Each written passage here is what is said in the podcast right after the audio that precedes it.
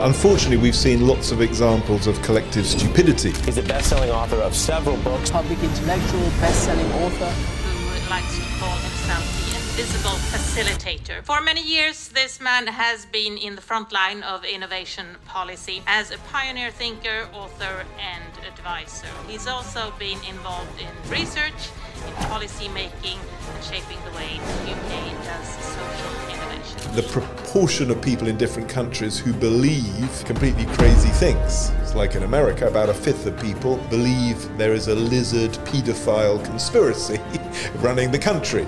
Now, that is uh, slightly insane. But Welcome to another episode of Spotlight Podcast. Today I have a special privilege of hosting Professor Geoff Mulgan, a British academic and author. Professor Mulgan has been a trailblazer in the fields of social innovation and public policy, with a rich background that includes serving as a chief executive of the Young Foundation and holding uh, influential positions in government, including the government's strategy unit under the Prime Minister Tony Blair. Professor Mulgan brings wealth of both practical and theoretical experience to our conversation. Also, he was the chief executive at Nesta from 2011 until recently. As prolific author, he is notable for his extensive writing on social innovation, public policy, and collective intelligence, and the future of society. Recently, he has authored several very impactful books, including Big Mind How Collective Intelligence Can Change Our World, Another World is Possible, How to Reignite Radical Political Imagination, Prophets at the Tangent How Art Shapes uh, Special Imagination, early 2023, and recently When Science Meets Power in November 2023. Uh, today, he teaches collective intelligence, social innovation, public policy at the University College London. Uh, Professor Mulgan, thank you so much for giving us an opportunity to talk to you today. thank you for having me. As a warm up exercise, could you please tell me uh, a difference between the individual intelligence and, and social and the collective intelligence? Well, the individual intelligence is what we have in our brains, our ability to, to see, to think, to predict, to, uh, to plan, and to imagine. And collective intelligence is just the equivalent that happens when you have a group or an organization or a whole society or the whole world. And one of the arguments I've made is that actually the components of that collective intelligence are quite similar to in individual intelligence. You have to see things, you have to remember, you have to create. And we have some incredibly powerful tools for collective intelligence, like big companies or governments or the internet. But I think we're still not usually making anything like enough use of the potential collective intelligence which exists around us. You mentioned quite a few uh, different uh, examples in your book, uh, most notably Wikipedia. What is so special about these uh, uh, type of enterprises or projects? Well, there's a very long history of collective intelligence, and in some ways, the global science system is an example of it, where thousands, millions of scientists work, do experiments, share findings, comment on each other's work, spot errors in each other's work, and collectively, that gives us incredible uh, knowledge. Uh, the internet has then made it easy to do this in new ways. So, like Wikipedia, where millions of people together create an encyclopedia rather than just uh, one team. And we're beginning to see experiments in everything from democracy to the creation of new products in companies, which again mobilize thousands or even millions of people's brains to collaborate together on understanding phenomena or coming up with solutions. What are the distinguished distinguished patterns of the collective intelligence in comparison to individual individual intelligence, uh, in your view? What are the major distinguished elements? Well, obviously, people often disagree, or they may see different things, or there may be misinformation or disruption of collective intelligence. So the dynamics are, are, are fairly uh, fairly different. You saw that in Wikipedia, where in the early years, sometimes people would try and take over a page of a controversial figure, and it become a site of battle about, you know, what version of the truth uh, was in there. I think we're still at the early stages of really learning how do you turn seven, eight billion people's minds into a true collective intelligence to solve our our shared problems like climate change, let's say. Um, that's what we have to do in the next few decades. And if you don't do that, you have fragmented intelligence, competing intelligence, uh, fake news, lies, and all of that ends up, you know, ruining the world in the real world. Just as if you mess up your own mind, you know, you mess up your own life in reality too.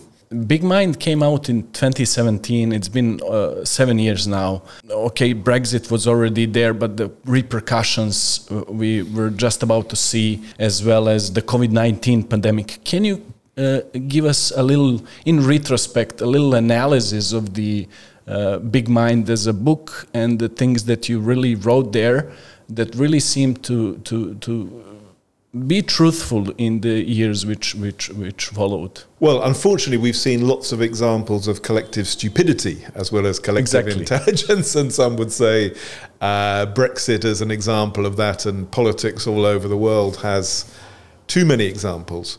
What I wanted to do with that book was partly to help create a, an academic discipline and that is beginning to happen. We have now an academic journal on collective intelligence, which I, I co edit, and also practical projects. So I work closely with the United Nations Development Programme, applying some of those concepts to development, to fields like jobs or refugees uh, all over the world. That is still happening. I don't think it's mainstream, it's still not really understood by most. Uh, governments and uh, and companies, and as I say, I think we've got a long way uh, to go. And perhaps at the moment, the forces of collective stupidity sometimes seem to be stronger than the forces of collective intelligence. One example of that, just reading about this morning, you know, the proportion of people in different countries who believe completely crazy things. It's like in America, about a fifth of people believe there is a lizard pedophile conspiracy running the country. Now, that is slightly insane, but that's a sign our institutions of shared intelligence are quite weak. Uh, and quite uh, quite vulnerable, and that leads us collectively to make uh, make bad decisions. One of the topics that audience of the Spotlight podcast is quite interested in is uh, AI, and it seems that uh, the reactions are very good anytime I bring people to talk about AI. Uh, I would uh, uh, like to open this subject with you about the AI and ethics. could you tell me, in a way, why do you feel that there is this juxtaposition of AI and ethics in this very moment? And what do we try to accomplish with uh, with ethics in relation to the AI? So, I, I, mean, I've been quite involved in AI for many years. I've run investment funds in AI and programs for governments, and uh, done research and proposed various governance institutions for AI, which at last is beginning to happen around the world. I've always been a little bit nervous that the first thing people talk about in relation to AI is either the, the technology itself or then just the ethical issues. And there are loads of ethical issues around AI. Uh, you know, what do you do with facial recognition uh, software? How do you handle bias? And there's lots of AI bias in criminal justice systems or employment programs uh, and so on. But I, I would argue, and I think this will become, I hope will become clear in the next few years, we need to think not just about AI as a technology, but in the round, how do whole fields become intelligent? And usually, if you look at any particular task, and I say maybe running a company, or it may be you know, managing the transport system of a, of a city. AI has to be thought of in combination with human intelligence, individual intelligence, and collective intelligence. On its own, it often leads to quite dumb conclusions. And many of the scandals with AI, the biggest ethical breaches, have come when there wasn't that right mix of the human and the machine. So in the Netherlands, for example, the government had to resign because of AI errors in welfare payments. We had a huge scandal in Britain around use of AI for school exams. And algorithms are very powerful, and I'm quite a believer in AI. but it always has to be combined with judgment about whether it's you know, making the right decisions uh, or on the right tracks. And you see this in the big platforms like like uh, Facebook, where they used algorithms to decide which posts to promote and so on, and then they realized they actually had to employ thousands of people in a collective intelligence to adjudicate, to judge, to cope with hate speech, misinformation, lies, and so on. And so, in reality, they're now combining the two. But much of our debate about AI hasn't almost caught up with that reality. We still think the technology on its own will solve problems.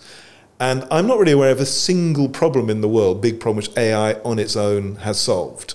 And so I think there's a category mistake.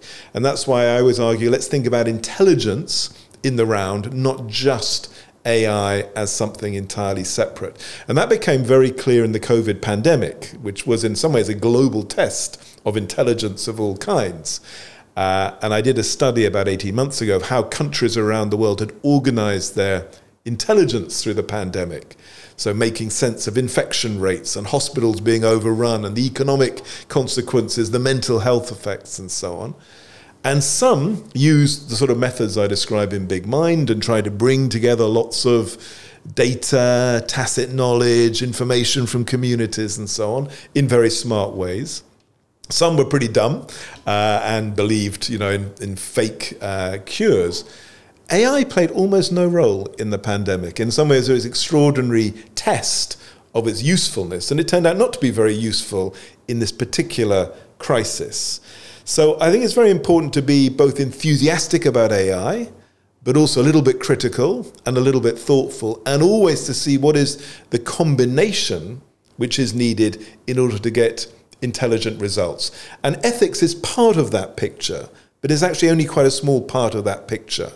And the cynics would say that the industry funded lots of AI ethics centers around the world, and there are many, almost as a distraction from these bigger questions of how do we get AI to really serve us well. I cannot agree with you more. And uh, some previous of your podcasts that you that you've done, you also said that many countries around the world haven't used AI properly, especially during the COVID pandemic.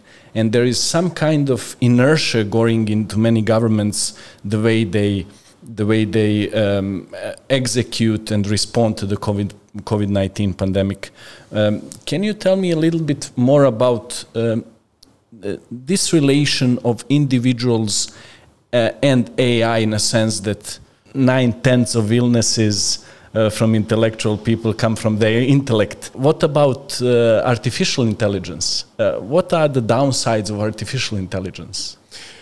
Well, AI is, is, is very, very powerful, but often a bit linear. So, um, what comes out depends on what you put in. So, in the case of the big scandals in governments, like in the Netherlands, the problem was the coding of the algorithms, the AI, um, was too simplistic and crude, and therefore uh, created bad decisions. Or in, in American criminal justice, where they trained their AI on the decisions of previous judges most of those judges were probably quite prejudiced and biased, and so the AI simply reflected their biases in its own decision making.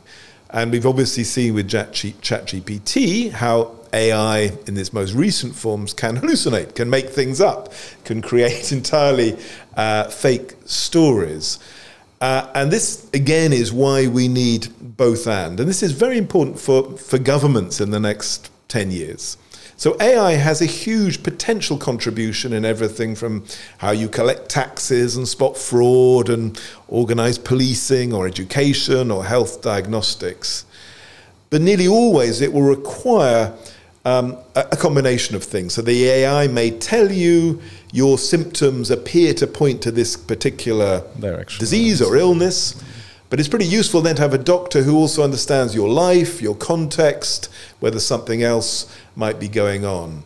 In the kind of welfare scandals we've had, the AI may make decisions about whether you're eligible for a subsidy for your rent or a payment for your disability. But you need a process whereby, if you, the individual, think that's wrong, that doesn't fit, you can appeal And then at the next layer up, there's a group of humans who are looking at the data and the judgments, but then can see whether they're right or wrong. And where that's happening, often they will agree with the AI, and sometimes they will disagree with the AI. So, in in governments, again, it's this, this both and is needed, but most have very little capability to commission AI, to procure AI, to use it well. So, I think we still have a massive so capability and adoption gap, certainly across Europe and North America, compared to the companies like Google and Amazon and so on who are using AI, AI in almost all of their operations, um, the public sector and civil society are way behind and often see it almost as a magical thing which will suddenly solve problems, which of course it doesn't. It's just a, a tool, it's just a technology like other ones. In the big mind, you specify certain things uh, such as the of course, the downside of the uh, cognitive biases for individuals, whereas in the collective intelligence, the cognitive bias is even a, a, kind of a good thing. It could lead to a, a positive outcome in in a meetings. Can you can you uh, give me example of what you think? Well, there are two or three different things going on. So there there can be biases of all kinds in a group or a whole society. Sometimes societies get trapped in stories which they think uh, define them.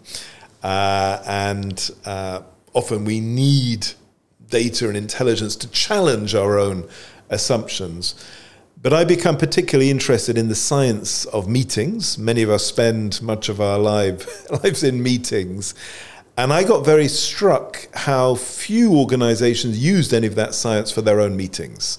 In fact, I went around many top universities asking them, what science do you use to design your seminars, your conferences, your symposia? And none could answer that question at all. They just did meetings the way they always had done them.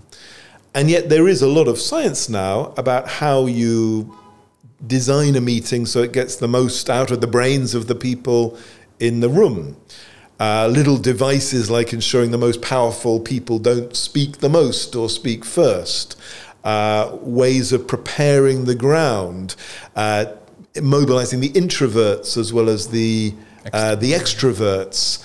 Uh, sometimes breaking problems down uh, into sort of subgroups who, who solve things. And, and I had, I propose 10 main sort of themes for the design of meetings. And I still believe the world needs a center on meeting science because so much time is wasted in bad meetings. In, I mean, there's been some creativity in business.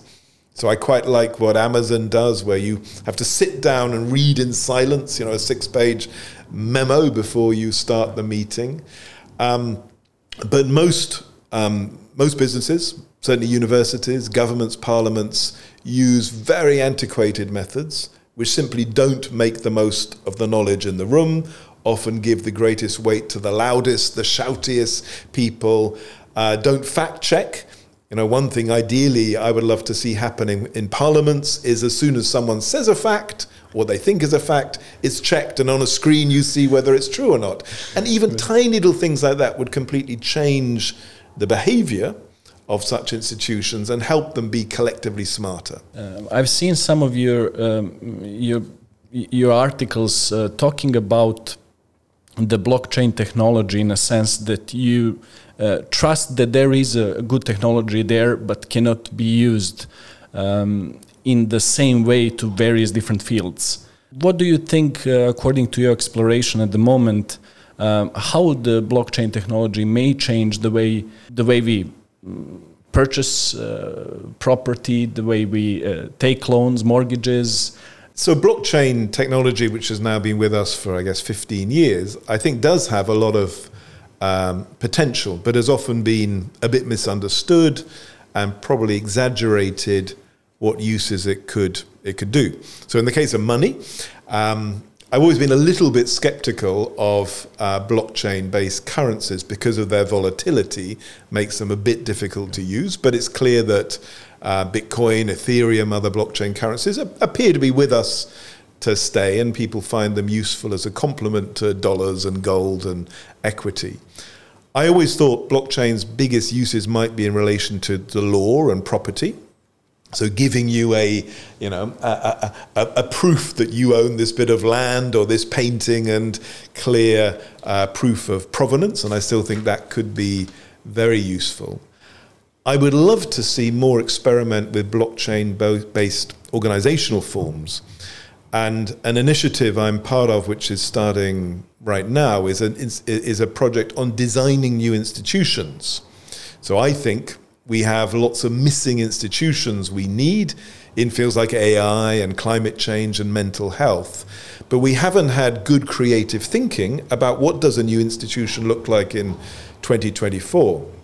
Now, one of the virtues of blockchain is it has created a lot of creativity. For example, decentralized autonomous organizations, DAOs, which is the idea you create a, an organization based on the blockchain, which can then uh, govern how decisions are made. They're very transparent, there's a clear record, uh, and so on.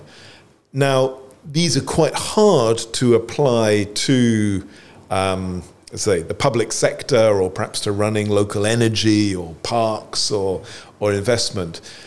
But they potentially do offer new ways to design the next generation of, of institutions. And we need more thought, more experiment the proponents of DAOs thought they were the answer to everything, which is clearly not true. They don't work very well for, I would say, nearly all the potential uses.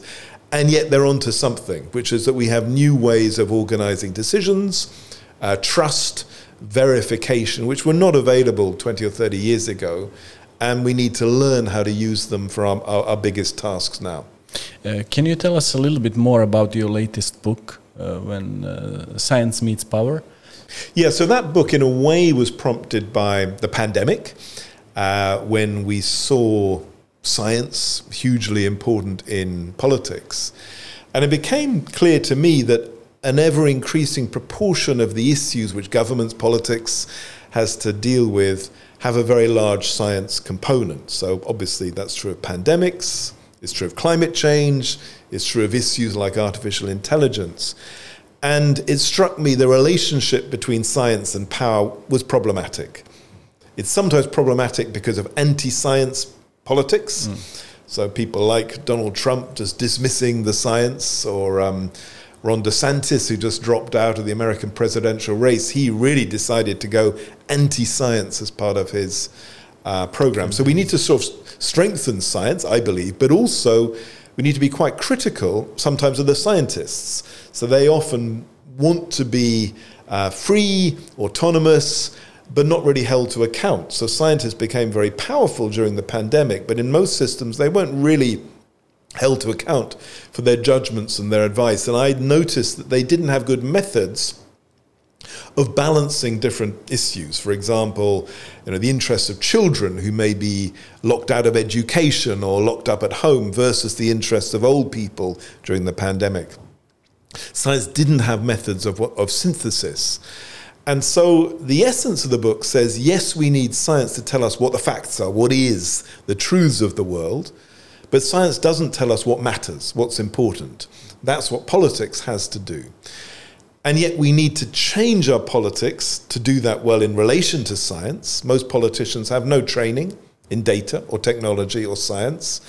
Uh, and I mention in the book the little trick I sometimes used to play with politicians, asking, Can you, in two or three minutes, describe how the internet works? And almost none could. For them, it was something uh, magical. So we need much more skilled politicians. We need in, new institutions in, in parliaments and governance. But we also need a change in science where science has to recognize it's so important, so powerful in the modern world, its old claims to being, as it were, detached from decisions and not responsible for the results of science, that is not tenable. We need scientists who, in some ways, attend to politics and dis- discussions of what is and what of what matters in ways that perhaps wasn't true half a century ago. And this, this is only going to become more important as we face new challenges. So, quantum computing is a good example, an incredible field of scientific and technological advance. No one knows whether quantum computing will you know, destroy all privacy. All our WhatsApp messages and Gmail may suddenly become open, or whether it will just be a wonderful new way of organizing complex systems. And so we need politics to be part of that discussion and ethics, but politics too, uh, so that science can really serve us. Daniel Kahneman and uh, Amos Tversky also d- did quite nice experiments regarding the. They wanted to prove how the people are very bad statisticians, even among the statisticians themselves who are uh, within this branch professionally. Uh, these are also one of the biases uh, for human beings. Can comment on, on that. Yeah. So we have huge amounts of evidence that we as humans are quite bad at understanding risk understanding probabilities, understanding uh, statistics. Uh, one of my jobs years ago in government was designing an entire risk strategy for the UK. And at that time, we were particularly concerned about a disease in cows, which led to the slaughter of tens of millions of, uh, of cows to uh, stop the risk of diseased meat getting into people's bloodstreams and killing them. And it was a right thing to be concerned about. But there's a, a, a, wonderful German scientist called Gerd Gigerenzer who points out that in the 10 year period when Europe was obsessed with these uh, deadly cows, as it were, and billions were spent trying to avoid that risk, about 150 people did die in that period from uh, the, the disease. But exactly the same number of people died during that period from drinking scented lamp oil. and so, you know, we completely misjudge the risks in our lives. And I think one thing AI can do is just help tell us, guide us in terms of the reality of our choices. You know, getting on an aeroplane, what is the risk compared to walking out the, the door, or the risk of a vaccine versus the risk of not having a vaccine. All of these things, I hope AI can help us become smarter about probabilities. Okay, for the very end, can you please tell me uh, what can we expect from Professor uh, Mulgan and what is in the pipeline regarding the projects you do, you're teaching at uh, UCL and so on? So in 2024, I guess there's sort of three main things I'm working on. One is further building up the field of collective intelligence. We have a journal, we have a big conference in Boston in in June, and I feel that that field is now ready to take a jump to a next stage. And we just, in fact, in January published, I thought, a brilliant piece by a group of neuroscientists and physicists on how to think about intelligence as a whole system. And I would love more people to understand these concepts and apply them to their business, their government, even their own lives. The other initiative is the Institutional Architecture Lab, which just begins work now where we are working with various governments and cities and, and the UN on the design of the new institutions the world needs for its big transitions of the next few years on climate, on aging, mental health, data, and so on. And I hope we will develop both a field, almost a discipline of institutional architecture. How do you do this well? What are the good examples? How do we become more proficient? And how do we use blockchain or AI or platforms in the design of institutions? Um, uh, and I hope that also will have practical results in the countries where we're working with partners on literally setting up new institutions. And finally, I'm doing a book for Columbia on um, what I call exploratory social science. How do we develop the methods within universities for designing options a generation into the future? What could care look like for old people? What could the organization of city centers, how might democracy look? And I want to encourage new ways that combine the deep knowledge of academic disciplines, economics, sociology, psychology, but with creativity, with the ability to imagine and explore differences. And at the moment, we have a bit of a divide where the people who have the really deep knowledge feel it's are uncomfortable doing the creative exploration and often the people doing the creative exploration don't really have the deep knowledge. So, can we bring these together in ways which help us as a society, you know, plan our pathways into the future? Professor Mulgan, thank you so much for this amazing opportunity. Actually, we, we didn't say we are filming this uh, at University College London. Uh, I'm not sure would I would ever have the opportunity to come here uh, unless you, you invited me. Thank you so much. Thank you very much, and uh, good luck with all you're doing. Thank you.